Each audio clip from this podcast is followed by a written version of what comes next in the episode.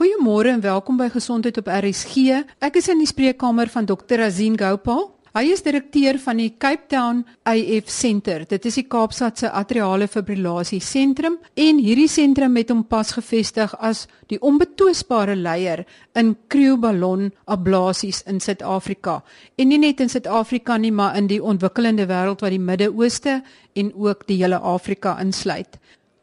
Maar wat presies is krioballon ablasies en waarvoor word dit gebruik? Dit is een van die behandelingsmetodes van atriale fibrillasie. Ehm um, Dr Gopal, kan jy bietjie meer verduidelik oor krioballon ablasie en die rol in atriale fibrillasie? Nogmaals dankie vir die uitnodiging op die program. Krioballon ablasie wat dit eintlik verskillend maak van gewone radiofrekwensie ablasie is dat 'n mens eintlik koue energie gebruik. En jy gebruik die koue energie om die stroombaanpunte by die openinge of by die monde van die uh, die venus, die pulmonale venus wat in die linker atrium open. Die uh, vermoede is dat um, hierdie stroombane eintlik as trigus dien om atriale fibrillasie aan die gang te kry. En enige tegnologie wat gemik is om atriale fibrillasie te genees, het te doen met isolasie van hierdie stroombane in die pulmonale venus wat gewoonlik die vier venus is wat in die linker atrium sou eindig. Die oorspronklike manier hoe dit gedoen is, sedert uh, vroeg uh, in 2000 is om die monde van die pulmonale venus is daar eintlik gebrand of gekauteriseer en die probleem aanvanklik hiermee gewees dat dit eintlik tot vernouing van die venus gelei het. En deesdae is daar 'n baie meer wye brand of sirkel wat ons noem 'n wide area circumferential ablation gedoen as radiofrekwensie wel gebruik is. Uh, meer belangrik, um, meeste van die tegnologie het nou intussen tyd na wat ons noem one shot tegnologie beweeg sodat uh, die sirkeltjie eintlik deur middel van of multi-elektrode kateter gebrand word of andersins soos wat ons nou hier doen deur middel van 'n krioballon waar stikstofoksied gebruik is as 'n gas om eintlik weefselskade aan te bring deur middel van kontak met die ballon. En hierdie is nou een van die grootste verwikkelinge eh, of ontwikkelinge sowel in ablasieterapie vir atriale fibrillasie en definitief een van die mees algemeen gebruikte tegnieke wêreldwyd tans. So die ballon word ingesit hy's koud en dan kan die abnormale golwe of impulse nie meer oor daai ablasie deel spring nie en die uh, atriale fibrillasie verminder. Voordat ons verder gaan, kom ons luister gou hoe klink 'n hart wat met die normale sinusritme, die normale ritme en tempo klop. Luister na die gewone normale lipdip lipdip klank.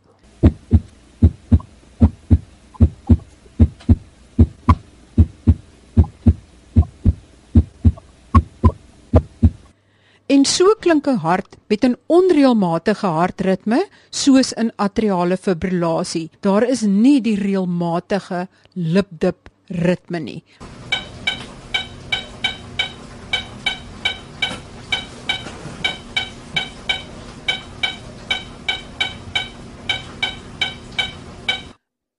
Gaan kyk dan ook op www.rsg.co.za. Ek het baie interessante sketse en video's gelaai sodat jy mooi kan sien hoe atriale fibrillasie werk en hoe ablasiebehandeling die abnormale impulse verhoed om die hart binne te kom. Dit is nou van die longare af wat terugkom met die skoon bloed terug in die linker atrium van die hart en dit is dan juis daar by daai monding wat die abnormale impulse wil inkom, maar wat dan gekeer word na ablasie. Maar dan nou terug na krioballonablasie en Dr Gopal, wat is die leier op die gebied van krioballonablasie vir atriale fibrillasie in die wêreld buite Amerika en Europa beskou word en ook een van die leiers op die gebied van elektrofisiologiese behandeling van alle verskillende hartritmestoornisse in Suid-Afrika.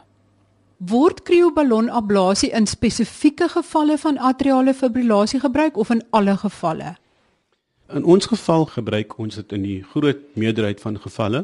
Soms mag die anatomie van die linker atrium en die pulmonale venus beperkend wees in die sin dat eh, 'n mens dalk 'n groot uh, enkele opening van die linksydige venus kan kry wat ons noem gemeene of 'n common ostium. In daai geval sal die ballon eintlik nie in die mond van die vene kan pas nie en ek sal dan liewer radiofrekwensie ablasie um, terapie toepas uh, afhangend van die anatomie. Maar in die groot hoeveelheid van pasiënte word krioablasie gebruik. Die tegniek is vinnig, dit is effektief en dit gee vir ons 'n langdurige isolasie van die pulmonale venus en ek dink dit is een van die redes hoekom dit wêreldwyd so gewild is tans.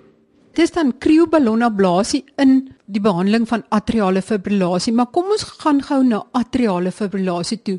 Wat presies gebeur in atriale fibrillasie dat dit gevaarlik raak? Hoekom moet dit behandel word want dit lyk my die neiging is ook dat dit al hoe vroeër behandel moet word.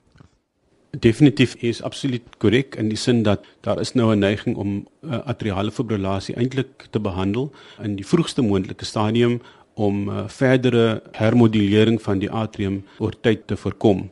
So uh, wanneer ons atriale fibrillasie sien, is die uh, gewone aanbeveling nou om so vroeg as moontlik die pulmonale venus te isoleer voordat daar strukturele uh, en elektriese hermodulering van die linker atrium plaasvind wanneer dit eintlik baie meer moeilik is om die atriale fibrillasie eintlik te genees. So wat dit op neerkom is daar is gewoonlik of litteken of abnormale stroombane van af hier die uh, pulmonale venus wat veroorsaak dat die hart dan fibrilleer. Wanneer die hart fibrilleer beteken dit dat dit asinkroon uh, en baie vinnig saamtrek uh, en dit kan lei tot veelvuldige simptome of dit nou lighoofdigheid of lusteloosheid, borskas ongemak, uh, natuurlik die algemene simptoom van hartklopings en so voort.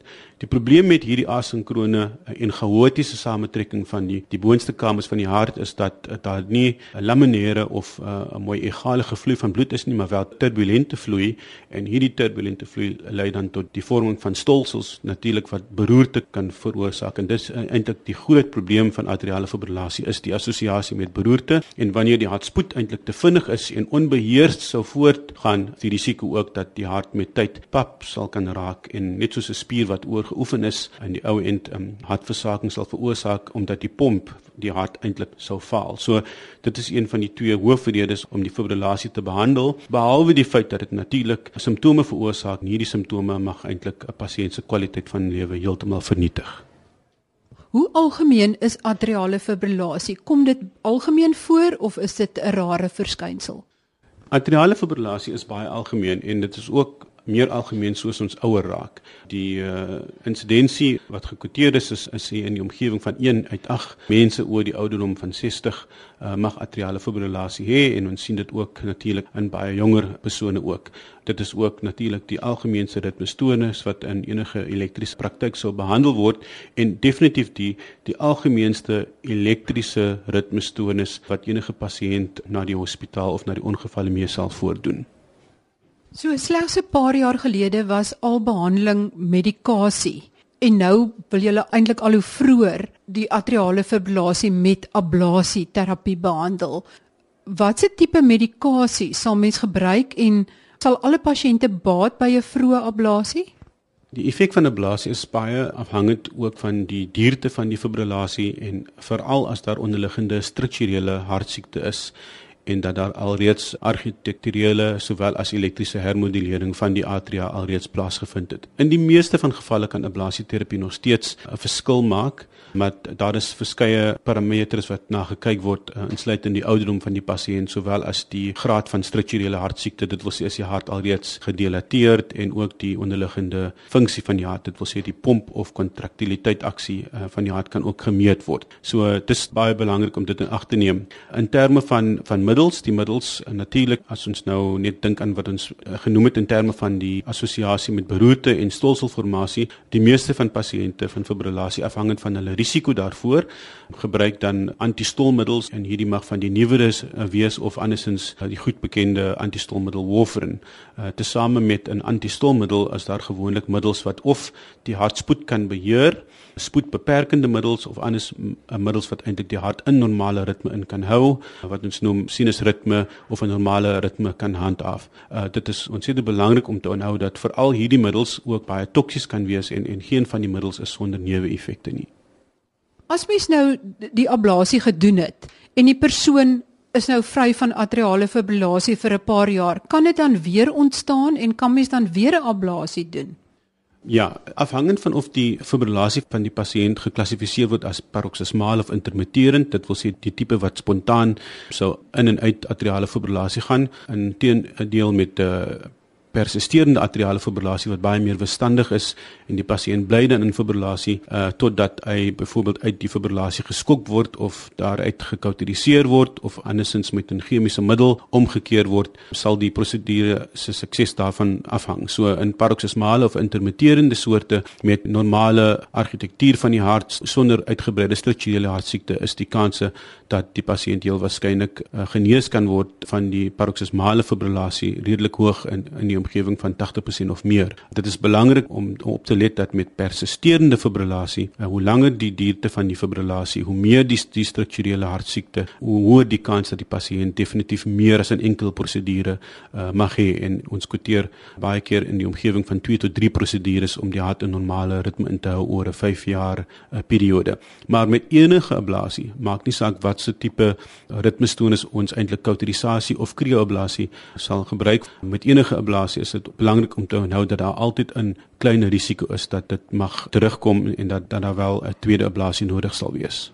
Dr Gopal het die eerste dokter in die ontwikkelende wêreld geword. Dit is nou basies al die lande buite in Europa en Amerika en dit sluit die Midde-Ooste en Afrika in wat enkelhandig 300 krioballon ablasie prosedures uitgevoer het in die behandeling van atriale fibrillasie krioballon ablasie in die behandeling van atriale fibrillasie het werklik waar 'n revolusie veroorsaak in die behandeling van atriale fibrillasie. Ons gesels nou verder oor krioballon ablasie maar ook oor ander ablasie tegnieke en ook ander hartritmestoornisse.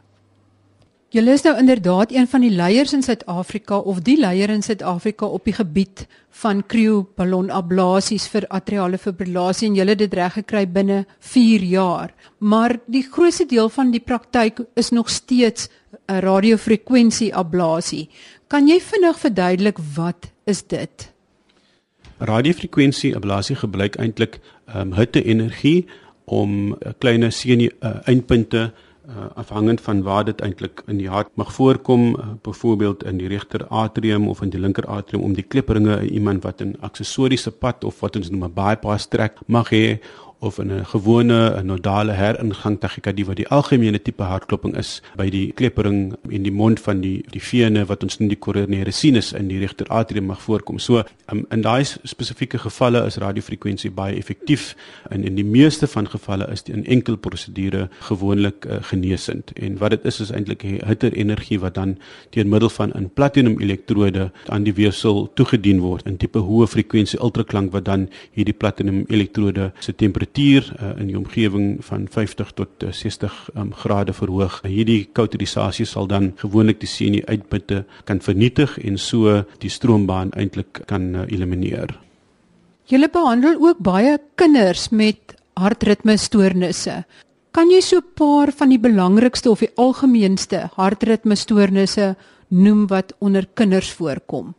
Dit is gewoonlik uh, jy weet uh, jonger kinders wat normale harte het en uh, daar kan ook onderliggende kongenitale probleme is maar in die algemeen is die tipe ritmestoornisse ook die wat in volwassenes sou voorkom uh, en hierdie is die algemene wat ons noem SVT's en hierdie supraventrikulêre tachykardie kan dan of nodale heringangstachykardie wees die uh, Engelse term AVNRT is redelik algemeen gebruik of andersins via uh, 'n aksessoriese pad waar baie van die kinders eintlik 'n abnormaliteit het uh, van 'n ekstra uh, bykomende sinewie wat wat bekend staan as 'n bypass tract van die sindroom wat goed bekend is as Wolff-Parkinson-White syndroom. Uh, kinders kan ook ritmestoornisse van die onderste kamers kry en tipe ventrikulêre tachykardie, uh, veral wat ons noem vesicular tachycardias um, en hierdie kom dan na in die die skeiding tussen die regter en die linker ventrikels voor en hulle kan ook redelik maklik uh, genees word. Maar ek sou sê dis dis die algemene ritmestoornisse wat ons in ons kinderbevolking uh, sou behandel. Kom ons luister net vinnig hoe klink dit as 'n kind met supraventrikulêre tachykardie of oftewel SVT se hart vinnig klop.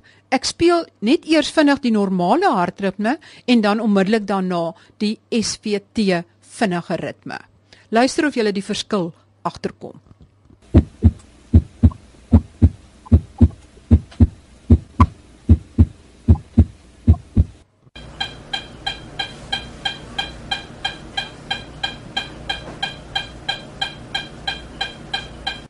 Dan net 'n vraag, ek wil net terugkom na krioballon ablasies toe. Het die tegnologie uh, verander oor die afgelope paar jaar of maande of jare en hoe dit verander? Is dit nou vinniger en makliker en meer akkuraat? Kan jy net 'n beskrywing daarvan gee?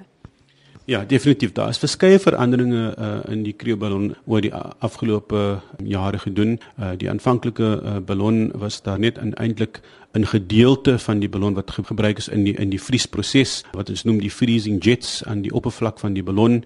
Uh, dit het intussen tyd verdubbel. Die uh, ballon het ook 'n baie spesifieke skede en hierdie skede was ook nou baie meer buigbaar en sogenaamde flexibility het, het eintlik so uh, verbeter. Die toedieningsapparaat, um, die skede daar um, jy weet beter ontwikkelings in en sowel as die ballon self. Verlede jaar was ons ook een van die uh, eerste inrigtinge om die nuwere uh, ballon te gebruik wat eintlik 'n stomper neus het en 'n uh, bykomende kateter wat gebruik word om die uh, verlies van die potensiale tydens die vries uh, waar te neem. Ons het aanvanklik begin uh, met krioballon ablasie um, uh, waar ek die uh, tegniek geleer het in 2007 in Londen. Daar het ons eintlik 5 minute vries gebruik vir elke vene en 'n sogenaamde insurance freeze, so dit wil sê amper 10 minute per uh, per vene slegs vriestyd, 40 minute van vriestyd, maar uh, intussen tyd nou met die nuutste ballon is daai vriesperiode eintlik nou verminder na self 3 minute vir 'n vene. So 'n mens kan eintlik die pulmonale vene eintlik isoleer en effektief en lankdurig isoleer binne 'n baie baie kort tydperk in vergelyking met veelvuldige punte van kauterisasie en in ringebrand wat eintlik baie langer uh, en tegnies moeilik uh, kan wees in nie in almal se geval nie, maar in party pasiënte. So ja, daar is wel groot ontwikkelinge in krioballon tegnologie aangebring uh, oor die afgelope paar jaar. Dr Gopal, as jy 'n finale boodskap het vir beide pasiënte daar buite en vir dokters. Wat sal dit wees? Die uh, onlangste literatuur sou ondersteun dat uh, atriale fibrillasie redelik vroeg uh, in sy uh, verloop behandel moet word. So dis die eerste ding dat pasiënte met AF uh, vroeg verwys moet word uh, vir behandeling want hoe langer die duurte hoe moeiliker is dit om dit te genees met tyd. So dis die een ding wat ek wil noem, verwys pasiënte uh, vir atriale fibrillasie vroeg na 'n elektrofisioloog vir behandeling. Uh, die tweede uh, sou wees dat dit baie belangrik is om die pasiënt uh, se risiko vir beroerte uh, te stratifiseer omdat uh, bloedverdunnings, jy weet, 'n integrale of 'n baie baie belangrike gedeelte van die behandeling is uh, van atriale fibrillasie. So verwys vroeg en maak seker dat die pasiënt wel op 'n ordentlike bloedverdunner is as hulle wel dit uh, uh veronderstel is om te kry. Onthou dit aspirine nie 'n sterk genoeg bloedverdunningseffek het om die risiko vir beroerte in pasiënte met atriale fibrillasie te verlaag nie. En ek weet dit maar net omdat kenners soos Dr Gopal dit in 'n vorige program reeds genoem het. Tot volgende week dan wanneer abdominale vet oftewel viscerale vet en dit is nou die vet om die organe in jou lyf so gevaarlik kan wees en waarom dit tot die minimum beperk moet word. Kom luister gerus en ook wat daaraan gedoen kan word. En moenie vergeet om op die webwerf te gaan kyk na die illustrasies, sketse en video's en beskrywings oor atriale fibrillasie en krioballon ablasie en ander hartritmestoornisse wat ek op die webwerf rsg.co.za gelaai het nie. Tot volgende week dan. Totsiens.